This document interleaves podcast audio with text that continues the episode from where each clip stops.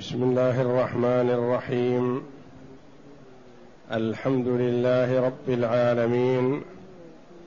والصلاة والسلام على نبينا محمد وعلى آله وصحبه أجمعين. وبعد. أعوذ بالله من الشيطان الرجيم. وقال قرينه هذا ما لدي عد.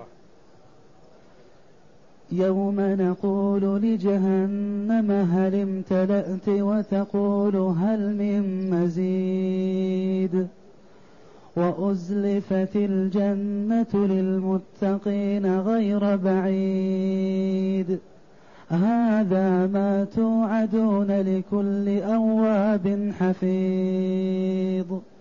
من خشي الرحمن بالغيب وجاء بقلب منيب. ادخلوها بسلام ذلك يوم الخلود. لهم ما يشاءون فيها ولدينا مزيد. هذه الآيات الكريمة من سورة قاف. جاءت بعد قوله جل وعلا قال قرنه ربنا ما أطغيته ولكن كان في ضلال بعيد. قال لا تختصموا لدي وقد قدمت إليكم بالوعيد. ما يبدل القول لدي وما أنا بظلام للعبيد. يوم نقول لجهنم هل امتلأت وتقول هل من مزيد؟ الآيات. هذه الآيات وما قبلها وما بعدها تذكير للإنسان بمآله وما يؤول إليه في الدار الآخرة. إن كان من أهل السعادة والإسلام والإيمان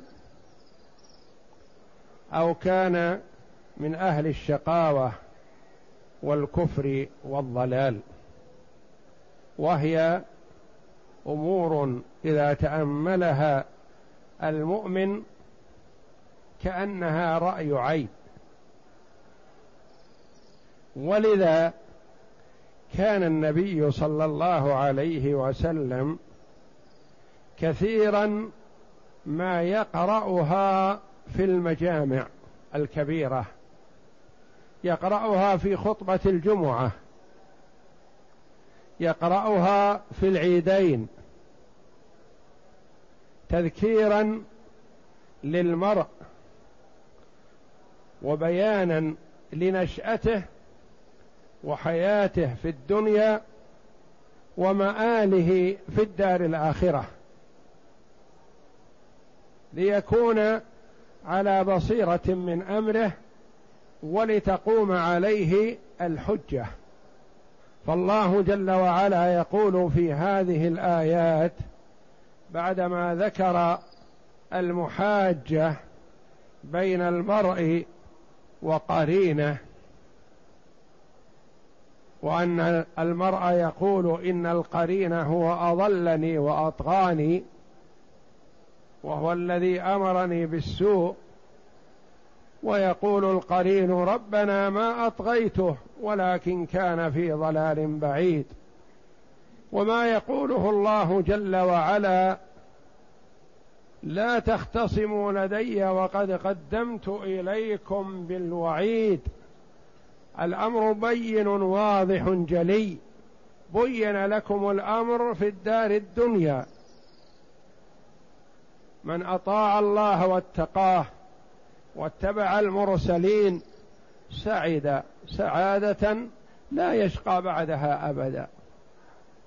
ومن كفر وطغى وضل وعصى الرسل شقي شقاوة لا يسعد بعدها أبدا والعياذ بالله. والأمر جلي واضح. وفي الدار الآخرة ليس هناك دار إلا الجنة أو النار إما دار السعادة الأبدية أو دار الشقاوة الأبدية والعياذ بالله. والأمر واضح جلي بحمد الله. يقول تعالى يوم نقول لجهنم هل امتلأت وتقول هل من مزيد. يوم نقول لجهنم يجوز أن يكون العامل في يوم اذكر اذكر لهم يا محمد ذلك اليوم. ويجوز أن يكون العامل فيه قوله تعالى ما يبدل القول لدي.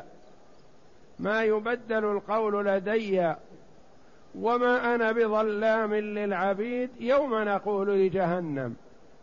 ذلك اليوم لا تبديل ولا تغيير.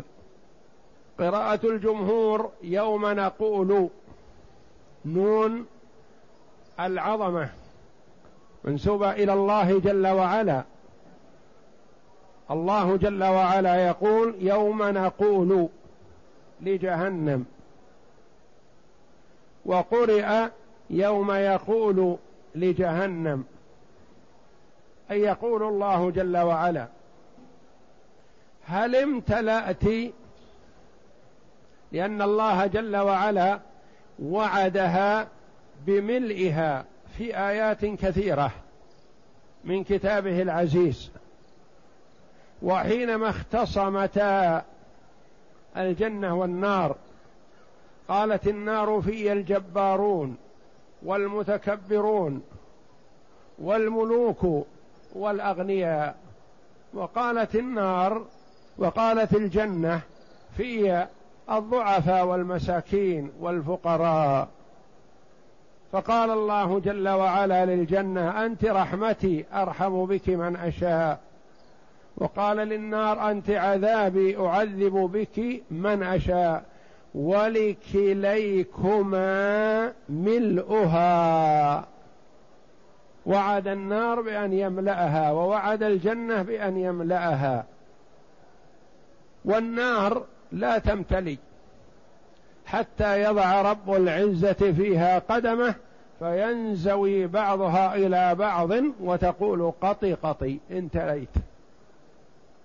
وأما الجنة فيبقى فيها فضله فينشئ الله أقواما يسكنهم فيما بقي من مساكن الجنة.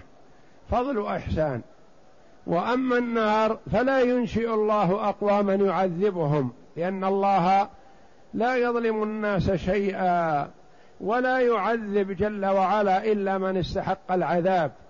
أما التنعيم فالله جل وعلا يجود ويتكرم به. والكرم يمدح به ربنا جل وعلا. يوم نقول لجهنم هل امتلأت؟ والله جل وعلا أعلم. فهو يسأل النار هذا السؤال وتقول هل من مزيد؟ هاتوا أعطوني. لا أزال في أماكن لأنها لا بد أن تنتلي وتقول هل من مزيد. وللعلماء رحمهم الله في هذا الجواب قولان. هل من مزيد يعني أطلب زيادة. أطلب تقول النار أطلب زيادة. هذا قول وهو قول جمهور المفسرين. لما دل عليه الحديث في الصحيحين الآتي يفسره.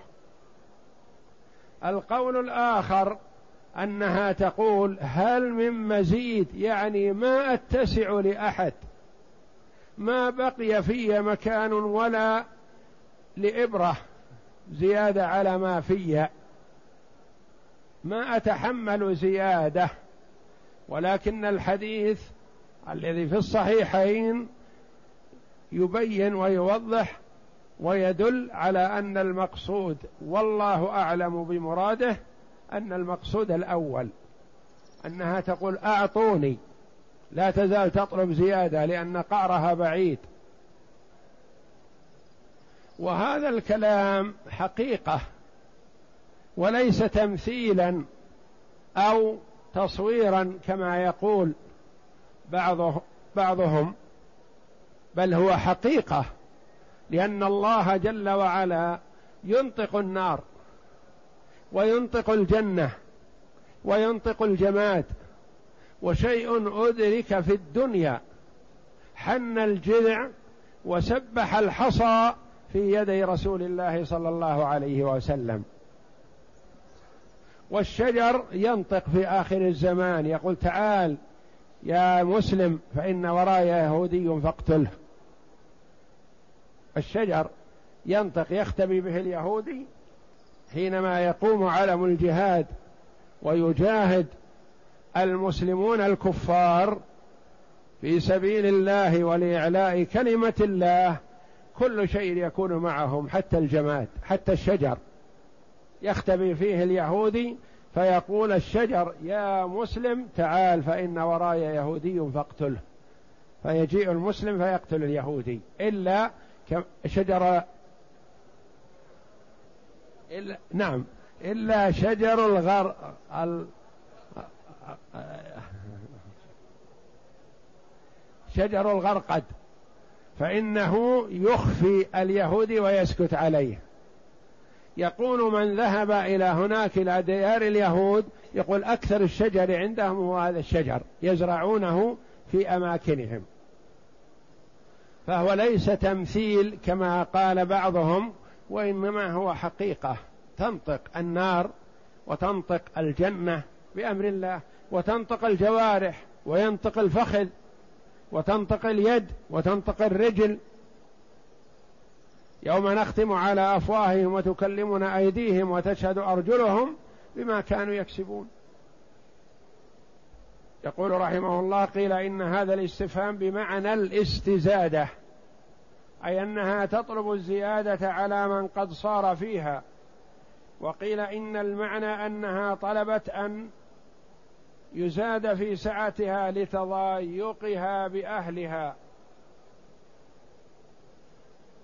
فالأول بمعنى هل من زيادة والثاني بمعنى هل من شيء تزيد فيه. يعني امتلأت. وقد أخرج البخاري ومسلم والترمذي وغيرهم عن أنس قال قال رسول الله صلى الله عليه وسلم لا تزال جهنم يلقى فيها وتقول هل من مزيد حتى يضع رب العزة فيها قدمه فينزوي بعضها حتى يضع حتى يضع رب العزة فيها قدمه فينزوي بعضها إلى بعض فتقول قطي قطي وعزتك وكرمك. ولا يزال في الجنة فضل حتى ينشئ الله لها خلقا آخر فيسكنهم في فضول الجنة. هذا لفظ مسلم وأخرجاه أيضا من حديث أبي هريرة بنحوه. وفيه فأما النار فلا تمتلئ حتى يضع الله عليها رجله. يقول لها قطي قطي قيل معنى القدم هنا المتقدم في وهذا من التأويل والمراد القدم التي هي بماء الرجل. فنثبت لله جل وعلا ما أثبته لنفسه من غير تشبيه ولا تمثيل ولا تكييف ولا تعطيل. نثبت إثباتا مع التنزيه وننفي التشبيه والتعطيل في صفات الباري جل وعلا. والرسول صلى الله عليه وسلم أثبت الرجل والقدم لله جل وعلا وهو أعلم بصفات ربه جل وعلا. ولكن الحذر والخوف من أن يقع المرء في التشبيه أو في التمثيل أو في التكييف. كل هذا ممنوع في صفات الباري جل وعلا. وهناك طائفتان ضالتان في باب الأسماء والصفات لله تعالى. وطائفة ثالثة وسط هم أهل السنة والجماعة. طائفة غلت في الإثبات فتجاوزت الحد فمثلت وشبهت تعالى الله. وطائفة غلت في التنزيه فنفت الصفات عن الله جل وعلا. وأهل السنة والجماعة وسط بين الطائفتين. أخذوا ما عند هؤلاء من الحسن وتركوا القبيح. وأخذوا ما عند أولئك من الحسن وتركوا القبيح. أثبتوا لله جل وعلا إثباتا بلا تمثيل ولا تكييف ولا تشبيه. ونزه الله جل وعلا تنزيها بلا تعطيل. افهم الفرق؟ غلت في الإثبات فتجاوزوا الحد وشبهوا. قالوا لله يد كأيدينا ورجل كأرجلنا. تعالى الله. هذا إثبات الإثبات حسن لكنهم تجاوزوا الحد فمع الإثبات شبهوا فضلوا الطائفة الأخرى نزهوا والتنزيه حسن لكنهم تجاوزوا الحد فعطلوا. وأهل السنة والجماعة جمعوا بين الحسنيين ونفوا القبيحين. أثبتوا مع التنزيه. وابتعدوا عن التشبيه كما ابتعدوا عن التعطيل. يقول رحمه الله وفي الباب أحاديث في إثبات صفة القدم لله جل وعلا والرجل ومذهب أهل السنة والجماعة مذهب جمهور السلف فيها الإيمان بها من غير تأويل ولا تعطيل ولا تكييف ولا تحريف ولا تمثيل وإمرارها على ظاهرها وهذا هو الحق الذي لا محيد عنه. نقول كما قال الإمام مالك رحمه الله الاستواء معلوم والكيف مجهول والإيمان به واجب والسؤال عن الكيفية السؤال عنه أي عن الكيفية بدعة. فلا يسأل عن الكيفية لأن الذي يسأل عن الكيفية الذي أحاط بها ومن يحيط بصفة الباري جل وعلا. وأما المعنى في القدم والرجل والسمع والبصر والاستواء والنزول وغير ذلك من صفات الباري جل وعلا هو معلوم. واضح المعنى. يوم نقول لجهنم هل امتلأت وتقول هل من مزيد؟ يعني تطلب الزيادة لأنها موعودة بملئها وفيها سعة. ثم إن الله جل وعلا يضع عليها وفي حديث آخر فيها قدمة فينزوي بعضها إلى بعض وتقول قاطي قاطي يعني يكفي يكفي. يخبر تعالى أنه يقول لجهنم يوم القيامة هل امتلأت؟ وذلك أنه وعدها أنه سيملأها من الجنة والناس أجمعين. فهو سبحانه يأمر بم يأمر بمن يأمر به إليها ويلقى وهي تقول هل من مزيد؟ أي هل بقي شيء تزيدونني؟ هذا هو الظاهر من سياق الآية وعليه تدل الأحاديث.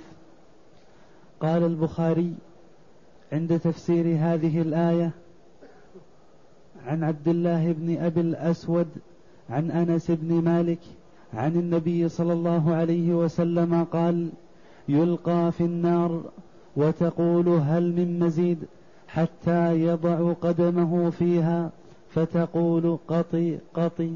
يعني يكفي يكفي.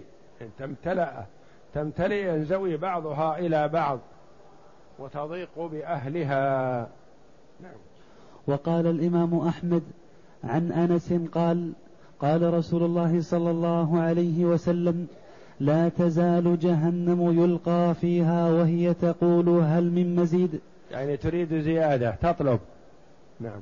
حتى يضع رب العزة في حتى يضع رب العزة فيها قدمه فينزوي بعضها إلى بعض وتقول قطي قطي وعزتك وكرمك ولا يزال في الجنة فضل. حتى ينشئ الله لها خلقا آخر فيسكنهم في فضول الجنة. وأزلفت الجنة للمتقين غير بعيد. كثيرا ما إذا ذكر الله جل وعلا حال الكفار عقب ذلك بحال المؤمنين. وإذا ذكر النار عقب بأهل الجنة. وذكر الجنة. وإذا ذكر أهل الجنة اولا بين حال أهل النار بعد ذلك. ليطلع المرء على الحالين. وليسأل الله جل وعلا التوفيق للاستقامة على الحق. يقول تعالى وأزلفت الجنة. أزلفت بمعنى قربت وأدنيت وقيل أزلفت بمعنى زينت وهيئت للمتقين لمن اتقى الله جل وعلا فابتعد عن الشرك لمن اتقى الله جل وعلا فسلم من الشرك وابتعد عنه لأن من وقع في الشرك حرام عليه دخول الجنة. وأما المعاصي دون الشرك فصاحبها أمره إلى الله جل وعلا وهذا ما يعبر عنه أهل السنة والجماعة بقولهم تحت المشيئة. إن شاء جل وعلا غفر له من أول وهلة وأدخله الجنة بفضله وإحسانه وبتوحيده وإيمانه. وإن شاء جل وعلا عذبه بالنار لما اقترف من الكبائر والسيئات ثم يخرجه من النار ويدخله الجنة. لأن الموحد الذي عبد الله وحده ولم يعبد معه غيره لا يخلد في النار. خلافا لبعض الطوائف الضالة. وطائفة قالت صاحب الكفيرة كافر وهو خالد مخلد في النار وإن لم يكن مشرك. يعني إذا زنى أو شرب الخمر يقولون هذا إذا مات على كبيرته خالد مخلد في النار. ويعتبر كافرا بوقوعه واقترافه الكبيرة. وطائفة أخرى تقول هو في الجنة في الدنيا بالمنزلة بين المنزلتين. صاحب الكبيرة قالوا لا يقال له مسلم ولا مؤمن. ولا يقال له كافر. ماذا يقال له؟ يقولون بالمنزلة بين المنزلتين. خرج من الإسلام وما دخل في الكفر. إذا مات على هذه الحال يقولون خالد مخلد في النار مع الطائفة الأخرى. أهل السنة والجماعة يقولون إذا وقع المسلم في كبيرة من كبائر الذنوب فيقال له فاسق. مسلم وليس بمؤمن أو مؤمن بإيمانه فاسق بكبيرته. هذا في الدنيا. خرج من الإسلام لا. وإن زنى وإن سرق وإن زنى وإن سرق. ما خرج من الإسلام. ما يخرج بكبيرة من كبائر الذنوب من الإسلام إلا بالشرك بالكفر بالله. في الدار الآخرة يقولون هذا تحت المشيئة. إن شاء جل وعلا غفر له من أول وهلة وأدخله الجنة وإن شاء جل وعلا عذبه بالنار لكبيرته وأخرجه من النار وأدخله الجنة. ولا يخلد في النار إلا الكافر المشرك. ويدل على هذا قول الله جل وعلا إن الله لا يغفر أن يشرك به ويغفر ما دون ذلك لمن يشاء. ما دون ذلك يدخل فيها الزنا والسرقة وشرب الخمر وسائر الكبائر هو دون الشرك. فالله جل وعلا إذا شاء غفره لعبده لأن المرء قد يكون صاحب كبيرة من كبائر الذنوب لكن له حسنات كثيرة له أعمال صالحة جليلة ينفع المسلمين له نفع له تأثير حسن في الإسلام. فالله جل وعلا جواد كريم قد يغفر له من أول وهلة ولا يدخله النار وإن كان مقترف لكبيره من كبائر الذنوب. وقد لا يغفر الله له ذنبه هذا فيمحصه منه ويطهره بتعذيبه في النار لأن فيه أناس يخرجون من النار كالفحم أكلتهم النار. ثم يلقون في نهر عند باب الجنة فيمحصون ويطهرون ثم يدخلون الجنة. وشفاعة النبي صلى الله عليه وسلم متعددة عليه الصلاة والسلام. يشفع لأقوام استحقوا دخول النار فلا يدخلوها. ويشفع لأقوام دخلوها فيخرجون منها. ويشفع لأقوام منازلهم في الجنة دنيا فيرفعون. ويشفع لأقوام في النار يستحقون النار فيخفف عنهم العذاب.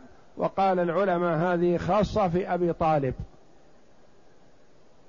تخفيف عذاب النار ممن يستحقها باستمرار خاصة في أبي طالب. لأن النبي صلى الله عليه وسلم سئل هل نفعت عمك أبا طالب؟ لأن فرق بين أبي طالب وأبي لهب وكلاهما عم النبي صلى الله عليه وسلم لكن أبو طالب كان يدافع عن الرسول صلى الله عليه وسلم ومات على الكفر. وأبو لهب يؤذي النبي صلى الله عليه وسلم أذى شديدا. فقال النبي صلى الله عليه وسلم نعم هو أخف أهل النار عذابا له شراكان من نار يغلي منهما دماغه والعياذ بالله. وأزلفت الجنة للمتقين أي الذين اتقوا الشرك. لأنه ليس المراد والله أعلم بالمتقين الذين اتقوا المعاصي من المعاصي. غير بعيد. أزلفت قربت لهم وهذه كرامة من الله جل وعلا أن الله جل وعلا يدنيها لهم. ولا يذهبون إليها من مكان بعيد وإنما تدنى لهم وتفتح لهم أبوابها بحيث ينظرون إليها قبل أن يدخلوها ليزداد شوقهم إليها. ويقال لهم هذا ما توعدون. يعني هذا النعيم وهذه الجنة التي وعدتكم بها الرسل صلوات الله وسلامه عليهم أجمعين. هذا ما توعدون لكل أواب. أواب بمعنى رجاع. آيب راجع. يعني قد يقترف الذنب يقع في المعصية لكن يرجع بسرعة. يندم يتوب يستغفر. لكل أواب حفيظ يحفظ ذنوبه يتأملها يندم عليها. ما ينساها المؤمن ذنبه دائما بين عينيه. يتخوف منه يتخوف من العقوبة. فما ينساه. وأما الفاجر والعياذ بالله فهو يذنب الذنوب الكثيرة وكأنها لا شيء ولا يبالي. أما المؤمن فهو يتأثر من الذنب ويتصوره ولا ينساه دائما بين عينيه. لكل أواب حفيظ. أو حفيظ بمعنى حفظ أمر الله جل وعلا. أتى به كما أمر. حفظ ذنوبه فتاب منها ولم يصر عليها. أو حفظ أمر الله جل وعلا فأتى بالطاعات وابتعد عن المعصية. ومن ميزة القرآن وبلاغته أنه يأتي اللفظ البسيط السهل القليل الحروف المشتمل على معاني كثيرة. يصح هذا ويصح هذا وممكن أن يكون المراد الجميع. من هو هذا؟ وصفه الله جل وعلا بقوله من خشي الرحمن بالغيب. خشي الرحمن خشي الله جل وعلا يعني خافه. والخشية توجد عند المرء الخوف والارتعاش من أثر المعصية. خشي الرحمن بالغيب يعني في حال غيبته بأنه لا يرى الله جل وعلا. هو لا يرى الله جل وعلا ويخشاه. أو خشي الرحمن بالغيب حال غيبته عن الناس. لأن من الناس من يظهر الخشية حال رؤية الناس له. فإذا اختفى عن الناس بارز الله في المعصية والعياذ بالله إذا استتر عن الأعين وقع في المعصية لكنه لا. لا يقع في المعصية حياء من الناس أو مجاملة أو نحو ذلك أو خشي الرحمن بالغيب يعني أنه لم ير الله جل وعلا وإنما خافه ولم يراه كما فسر النبي صلى الله عليه وسلم الإحسان الذي هو أعلى صفة يتصف بها العبد المطيع لله جل وعلا صفة الإحسان وهي أن تعبد الله كأنك تراه. فإن لم تكن تراه فإنه يراك. تعبد الله كأنك تشاهده وأنت لا تشاهده. لأن العبد لا يشاهد الله جل وعلا في الدنيا. وإنما يعبده عبادة من كأنه يشاهد الله. وهو لا يشاهد الله ويعتقد أن الله جل وعلا يشاهده يطلع عليه. أن تعبد الله كأنك تراه فإن لم تكن تراه فإنه يراك. جل وعلا. وهذه صفة الإحسان التي هي أعلى الصفات. ودونها صفة الإيمان ودون الإيمان صفة الإسلام. فالمراتب ثلاث.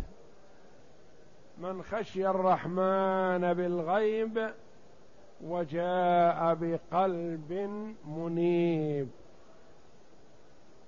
أي راجع إلى الله مخلص في طاعته. جاء بقلب منيب رجاع تواب. ليس قلبه معرض غافل قاسي مخلصا لله جل وعلا بسريرة مرضية وعمل صالح وعقيدة صحيحة صافية من الشوائب والبدع والضلالات. وقيل المنيب المقبل على الطاعة. يعني ذا العزم الأكيد والقوة والسرعة في طاعة الله جل وعلا. وقيل منيب بمعنى سليم. سليم مما يخدش إيمانه وطاعته لله جل وعلا. ادخلوها بسلام. يؤمرون بالدخول وينادون للدخول حينما تقرب لهم تكريما. بخلاف أهل النار والعياذ بالله فهم يلقون فيها إلقاء يقذفون فيها قذفا. ادخلوها جاء بلفظ الجمع باعتبار معنى من؟ هذا ما توعدون لكل أواب حفيظ. من خشي الرحمن بالغيب؟ من لفظها مفرد ومعناها الجمع. ادخلوها بسلام. ادخلوها سالمين من العذاب دائما وأبدا. ادخلوها بسلام. تسلم يسلم عليهم الله جل وعلا وتسلم عليهم الملائكة. ادخلوها بسلام ذلك إشارة إلى زمن الدخول. ذلك يوم الخلود البقاء المستمر الذي لا نهاية له. لأن المرء إذا حصل على شيء في الدنيا من سعادة صار عنده خوف. إما أن يترك هذا الشيء أو يسلم منه في حال الحياة أو يموت ويتركه. ما يتلذذ بنعيم الدنيا. أما في الآخرة فهو يبشر بالاستمرار دائما وابدا في ذلك. فيكون في حال هناء وسعادة دائما وأبدا. لا ينتابها خوف ولا وجل ولا خشية أن تنزع منه. ادخلوها بسلام ذلك يوم الخلود أي البقاء المستمر دائما وأبدا. لهم ما يشاءون فيها. لهم ما يشاءون فيها ولدينا مزيد. وعدان كريمان من الله جل وعلا. ما يشاء العبد حاصل. ورد أن السحابة تكون فوقهم فتقول ماذا تريدون أن أمطر لكم؟ فتعطيهم ما يريدون. قال بعض السلف لئن الله أشهدني ذلك لأقولن أمطري علينا جوار مزينات. لهم ما يشاءون فيها ولدينا مزيد. فوق ما يريده المرء وما يحيط به. يعطى ما لا يدركه أو يحيط به فيتمناه. يعطى فوق ذلك. ولدينا مزيد. قال بعض المفسرين رحمهم الله المراد والله أعلم النظر إلى وجه الله الكريم. كما قال الله جل وعلا للذين أحسنوا الحسنى وزيادة. والزيادة هي النظر إلى وجه الله الكريم. لهم ما يشاءون فيها. إذا اشتهى المرء أي شيء جاءه في الحال. ورد في الحديث أنه إذا اشتهى الطير الذي في السماء ينزل بين يديه مشوي جاهز للأكل. إذا اشتهى الولد في لحظات يكون بين يديه في السن الذي يريده. ابن سنة ابن عشر سنين ابن كذا ابن كذا في حالة السن التي يريدها. يعطيه الله جل وعلا ما يريد. لهم ما يشاءون فيها أي الجنة ولدينا عندنا فوق هذا زيادة. يعطيهم الله جل وعلا أشياء لا يتصورونها ولا تحيط بها أفكارهم فيسألونها فيعطيهم الله جل وعلا إياها ابتداء بدون سؤال. لهم ما يشاءون فيها ولدينا مزيد. وقيل المراد بهذا المزيد الذي هو بمثابة يوم الجمعة في الدنيا يوم في الأسبوع.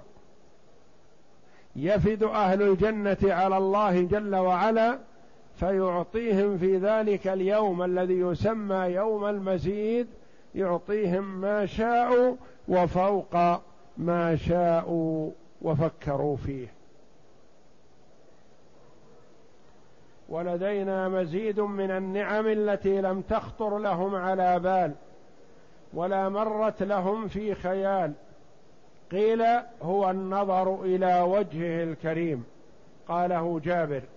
وقال أنس يتجلى لهم الرب تبارك وتعالى في كل ليلة جمعة في دار كرامته فهذا هو المزيد.